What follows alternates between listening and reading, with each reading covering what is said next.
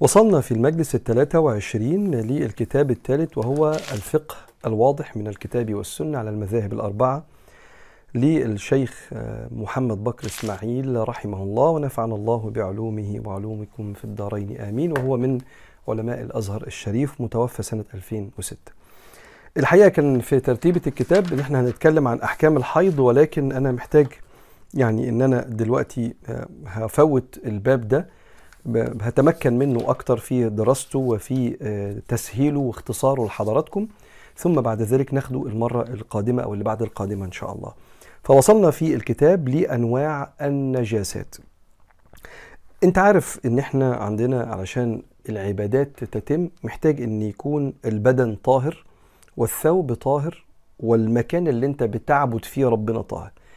فرضا الصلاة فأنت محتاج إن البلد البدن يكون طاهر من النجاسات وكمان طاهر مرفوع عنه الجنابة لأن المسلم أو المؤمن لا ينجس كنفسه لكن ممكن يبقى بدنه عليه نجاسة وهو محتاج يتطهر من الحدث الأصغر فيتوضأ أو يتطهر من الحدث الأكبر الجنابة فيغتسل. ولازم يكون بدنه ما فيهوش نجاسة ولا ثوبه فيه نجاسة ولا المكان اللي بيصلي فيه نجاسة. النجاسة دي إيه؟ فهيبدأ يقول لك أنواع النجاسات. المتفق عليها أن كل العلماء في المذاهب الأربعة قالوا دي نجاسة لازم ما تبقاش موجودة في مكان العبادة وتبقى فاهم إن دي نجاسة أو النجاسات المختلف عليها بين المذاهب الأربعة. فقال الإمام تنقسم النجاسات إلى قسمين قسم متفق على نجاسته وقسم مختلف فيه. أما القسم المتفق على نجاسته فهو أربعة عشر شيئا. أربعة عشر نجاسة متفق على أنها نجاسة. واحد الميتة من كل حيوان بري. أما الحيوان البحري فميتته طاهرة حلال. لقوله صلى الله عليه وسلم هو الطهور يعني البحر أو النهر يعني هو الطهور ماؤه الحل ميتته. وكان طبعا كلام النبي عن البحر صلى الله عليه وسلم. فلو في حيوان ميت الجسد الجسد الميت ده من الحيوان نجس. أما السمك وحيوانات البحر فطاهرة الدم المسفوح وهو الدم الذي يسيل من الحيوان البري أثناء ذبحه. أما الدم الذي يسري في العروق من الحيوان المذكى أي المذبوح ذبحا شرعيا فهو طاهر. الدم اللي لسه جوه عروق الحيوان اللي اتذبح ذبح شرعي ما تبقى من الدم ده طاهر. أما الدم الذي يسيل من الحيوان البري أثناء ذبحه فهو نجس. لحم الخنزير.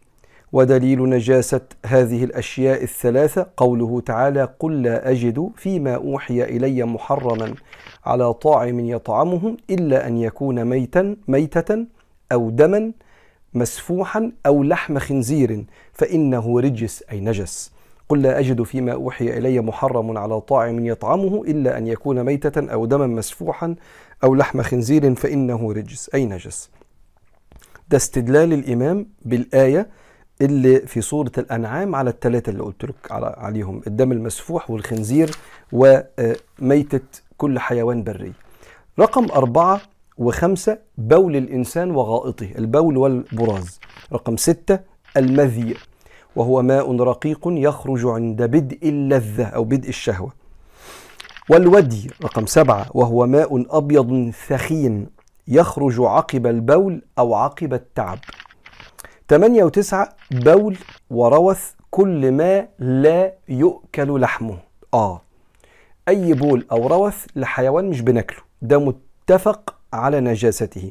لحديث عبد الله بن مسعود رضي الله عنه قال أتى النبي صلى الله عليه وسلم الغائط المكان اللي يعني زي زي دلوقتي والحمام المكان اللي كانوا بيتبرزوا فيه ويقضوا الحاجات. فأمرني أن آتيه بثلاثة أحجار. فوجدت حجرين والتمست الثالث فلم أجد. فأخذت روثة يعني اتولدت يعني مخرجات حيوان نشفة نشفة زي الحجر كده بس هي في الآخر مخرجات حيوان. فأتيته بها. فأخذ الحجرين وألقى الروثة. رواه البخاري وزاد ابن خزيمة في رواية إنها ركس ركس يعني زي رجس نفس الكلمة يعني ولكن بحرف مختلف. إنها ركس إنها روثة حمار. فقال النبي إنها نجس. رجس يعني نجس. رقم عشرة لحم ما لا يحل أكله من الحيوان. حتى ولو ذكي ذكاة شرعيا. شرعية لحديث سلم بن الأكوع قال لما أمسى اليوم الذي فتحت عليهم فيه خيبر أوقدوا نيرانا كثيرة. لحم الحيوان اللي ما بناكلش لحمه اللحم ده حتى لو الحيوان ده ذبحناه زي ما بنذبح الخروف ذبح شرعي اللحم بتاعه نجس. فلما فتحوا خيبر جابوا حمير وذبحوها عشان ياكلوها حمير إنسية اللي هي زي الحمار الأبيض والبني اللي الناس بتركبه يعني. أوقدوا نيرارا كثيره فقال رسول الله عليه الصلاة والسلام ما هذه النار؟ على أي شيء توقدون؟ بت بتشووا إيه؟ قالوا على لحم. قال على أي لحم؟ على أي لحم؟ قال على لحم الحمر الإنسية. مش الحمر الوحشية الحمر الوحشية المخططة دي حلال. قال أهرقوها واكسروها. فقال رجل يا رسول الله أو نهريقها أو نهريقها ونغسلها؟ قال أو ذاك أي لكم ذلك. يبقى شيلوا الشوي ده من الآنية واكسروا الآنية دي بقى فيها نجاسة. طب ينفع يا سيدنا محمد نشيل الحاجات دي من الآنية اللي هي اللحم ده اللي هو بتاع الحمار ده اللي هنشويه كلنا هناكله وطلع حرام ونغسلها؟ قال خلاص ما دام تغسلوها يبقى بتطهروها من هذه النجاسة. وعن أنس قال رضي الله عنه أصبنا من لحم الحمر يعني يوم خيبر. فنادى رسول الله صلى الله عليه وسلم إن الله ورسوله ينهاكم عن لحوم الحمر فإنها رجس أو نجس. رواه البخاري ومسلم الصحيحين يعني. قال وفي الحديثين دلالة على تحريم الحمر الأهلية لأن الأمر بكسر الآنية أولا ثم الغسل, الغسل ثانيا ثم قوله فإنها رجس أو نجس. ثالثا يدل على النجاسة. وهو نص في الحمر وقياس على غيرها مما لا يؤكل. 11 ما فصل من الحيوان وهو حي. يعني عضو اتقطع من حيوان عايش. قال لحديث أبي وائل الليثي أن النبي صلى الله عليه وسلم قال ما قطع من البهيمة وهي حية فهو ميتة والميتة نجس. أما ما قطع من الآدمي وهو حي فهو طاهر. لأن الآدمي طاهر حيا وميتا لقوله صلى الله عليه وسلم إن المسلم لا ينجس. وهو عام في الحي والميت لقول ابن عباس يعني المسلم لا ينجس حيا وميتا لقول ابن عباس المسلم لا ينجس حيا ولا ميتا رواه البخاري. 13 و14 و15 في النجاسات المتفق عليها دم الحيض دم النفاس دم الاستحاضة. دم الاستحاضة دم بينزل من عند المرأة في غير وقت. الحيض بتاعها اللي هي عارفاه. بعد أيام الحيض اللي هي عارفاها بينزل دم تاني ممكن عند بعض النساء ده مش اسمه الحيض اسمه الاستحاضة وهو نجس. يبقى إحنا كده قلنا 14 شيء اتفق العلماء على نجاستهم. أما المختلف في نجاسته فأشياء كثيرة نعد منها ما تدعو الضرورة إلى معرفته. هيقول لك أنا إيه؟ هقول لك اللي انت محتاج تعرفه في, في يعني تصرفاتك اليومية واحتياجاتك اليومية. بول وروث ما يؤكل لحمه. قال أحمد بن حنبل ومحمد وزفر من الأحناف وابن المنذر والاسطرخي اسطرخي آه والروياني من الشافعية أنه طاهر. آه. امام أحمد؟ والإمام محمد والإمام زفر من الأحناف. طبعا أحمد بن حنبل المذهب الحنبلي محمد وزفر من الأحناف. ابن المنذر والاسطرخي والروياني من الشافعية أنه طاهر. إيه اللي هو طاهر؟ بول وروث روث اللي هو البراز بتاع الحيوانات اللي ينفع ناكلها دول طاهرين عند جماهير الفقهاء.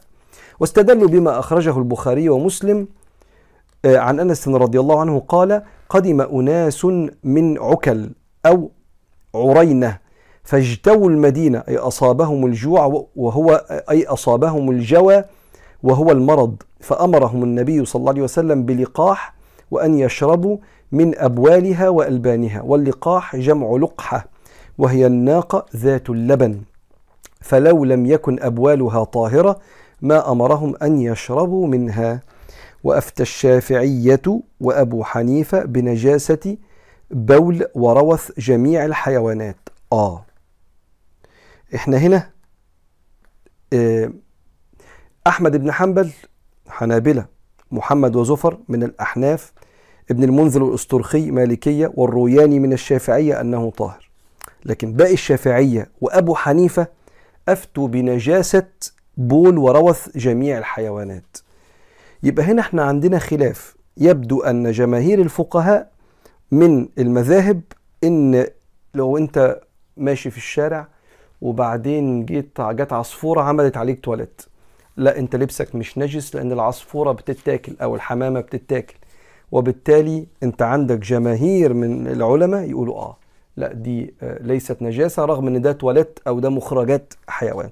الشافعية وأبو حنيفة يقولوا لا نجاسة وباء بول وروث جميع الحيوانات. المسألة فيها سعة الحمد لله. واستدلوا بحديث عبد الله بن عباس أن النبي صلى الله عليه وسلم مر بقبرين فقال إنهما لا يعذبان وما يعذبان في كبير أما أحدهما فكان لا يستبرئ من البول وأما الآخر فكان يمشي بالنميمة. فقالوا إن لفظ البول عام يشمل بول الإنسان والحيوان.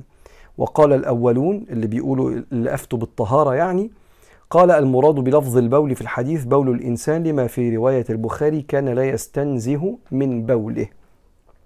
ورأى القائلين بالطهارة أوجه. آه ورأي القائلين ورأي القائلين بالطهارة أوجه. وأيسر والدين مبني على اليسر ورفع الحرج عن جميع أحكامه أو في جميع أحكامه رفع الحرج يعني المشقة والضيق. المني أنا هرجع لمسألة شرب بول الإبل دي بس في الآخر. المني. أفتى مالك وأبو حنيفة. المني يعني ماء الرجل اللي بيحدث منه الحمل. قال أفتى مالك وأبو حنيفة وفي رواية عن أحمد بنجاسته. مستدلين بحديث عمرو بن ميمون قال سألت سليمان بن يسار عن المني يصيب ثوب الرجل أيغسله أم يغسل الثوب؟ فقال أخبرتني عائشة أن رسول الله عائشة أن رسول الله صلى الله عليه وسلم كان يغسل المني ثم يخرج إلى الصلاة. وفي ذلك الثوب وأنا أنظر إلى أثر الغسل. يعني مش لازم يقلع الثوب كله بس يغسل مكان المني اللي جه على الثوب. وذهب الشافعي وآخرون. وفي أصح الروايتين عن أحمد إلى طهارة المني. مستدلين بحديث عائشة قالت كنت أفرك المنية من ثوب رسول الله صلى الله عليه وسلم فيصلي فيه. رواه الطحاوي وأبو داود. ومستدلين أيضا بحديث همام بن الحارث رضي الله عنه قال نزل بعائشة ضيف فأمرت له بملحفة صفراء فنام فيها فاحتلم فاستحيا أن يرسلها إليها وبها أثر الاحتلام فغمسها في الماء ثم أرسل بها. يعني هو نام وبعدين اتغطى بالملاية دي فاحتلم فأصاب في فكسف يبعت الحاجة وفيها أثر الاحتلام فغسلها وبعتها. فقالت عائشة لما أفسد علينا ثوبنا؟ عملت كده ليه في الملاية بتاعتنا؟ إنما كان يكفيه أن يفركه أن يفركه بأصابعه وربما فركته من ثوب رسول الله بأصابعه. فاستدلوا هنا إن الفرك ده بيسيب أثر يبقى هو مش نجس. إنما شالت الأثر بتاعه بس إنه يبان. لكن المفروض النجاسه بتتغسل بالمية لغاية ما لونها وريحتها يروح زي ما هنتكلم بعد شوية وأجاب القائلون بنجاسة المني عن هذا الحديث بأن الأمر بالفرك لا يعني طهارة المني إنما يرشد إلى طريقة تطهيره بالفرك فإن المني إذا يبس وغسل بالماء لا يزول أثره في الغالب إلا إذا فرك قبل الغسل. جيدا. فبيقولوا الناس اللي بتقول لا ده يا جماعة آه، ده المني مش طاهر ده نجس. بس هي بتعلمنا نغسله إزاي؟ نفركه الأول. المهم إن المسألة خلافية ما بين الفقهاء هل المني طاهر أم نجس؟ فاعرف المعلومة دي عشان أنت ممكن تكون محتاجها. والمسألة الخلافية تاخد فيها بالأنسب والأيسر لك. من الأشياء المختلف في نجاستها وكثير من الناس ما تعرفش الموضوع ده لعاب الكلب. قال الأحناف والشافعية وأحمد والجمهور أنه نجس. قال واستدلوا بحديث أبي هريرة رضي الله عنه قال قال رسول الله صلى الله عليه وسلم طهور إناء أحدكم إذا ولغ فيه الكلب أن يغسل أو أن يغسل سبع مرات أو يغسل سبع مرات أولاهن بالتراب. ف وقال مالك إن الكلب طاهر فلعابه طاهر. وقال إنما يغسل الإناء الذي ولغ فيه الكلب لاستقذاره عشان لعاب الكلب شيء قذر لا لنجاسته. وقد روى ابن وهب عنه القول بنجاسته لكن القول الأول هو المشهور عنه. بيقول إيه بقى العلماء؟ بيقولوا الشافعية والأحناف والحنابلة لعاب الكلب نجس. يعامل معاملة البول نجس. لازم يتغسل لو جه على حاجة أو على جسمك بالمية لغاية ما آه، آه، آه، ريحته ولونه يطلع. طيب بس الماء الإمام مالك بيقول لا يا جماعة الكلب لعابه مش نجس وينفع يبقى بيلحس لبس واحد ولا جسمه وينفع يصلي بيه لأنه مش نجس. والحكم ده خلى ناس كتير ممن ابتلوا بمسألة إن هم قريبين من الكلاب إنه يعرف يصلي. ولما ما تبقاش عارف المعلومة دي ويكون حياتك أو شغلك ايا كان عندك المسألة دي بيضيق عليك جدا لأن دايما الكلب قريب من صاحبه ودايما بيلحسه والكلب بيعبر ببقه عموما عن كل حاجة. ف... فأما اللي بعيد عن الكلاب فهو عارف إن قول الجمهور بنجاسة لعاب آه، الكلب. وقالوا إن آه هو نجس لأن النبي قال تغسل الكلب لو لحس حاجة في الطبق بتاعك تغسله سبع مرات أول مرة بالتراب والباقي بالمية. فالإمام مالك قال لا عشان قذرته والبكتيريا اللي فيه. لكن طبعا مش البكتيريا أنا بقول لك عشان قذرته يعني واللي في لعابه من النج... من ال... من القذارة مش لأنه نجس. ومن هنا جه الخلاف. آم،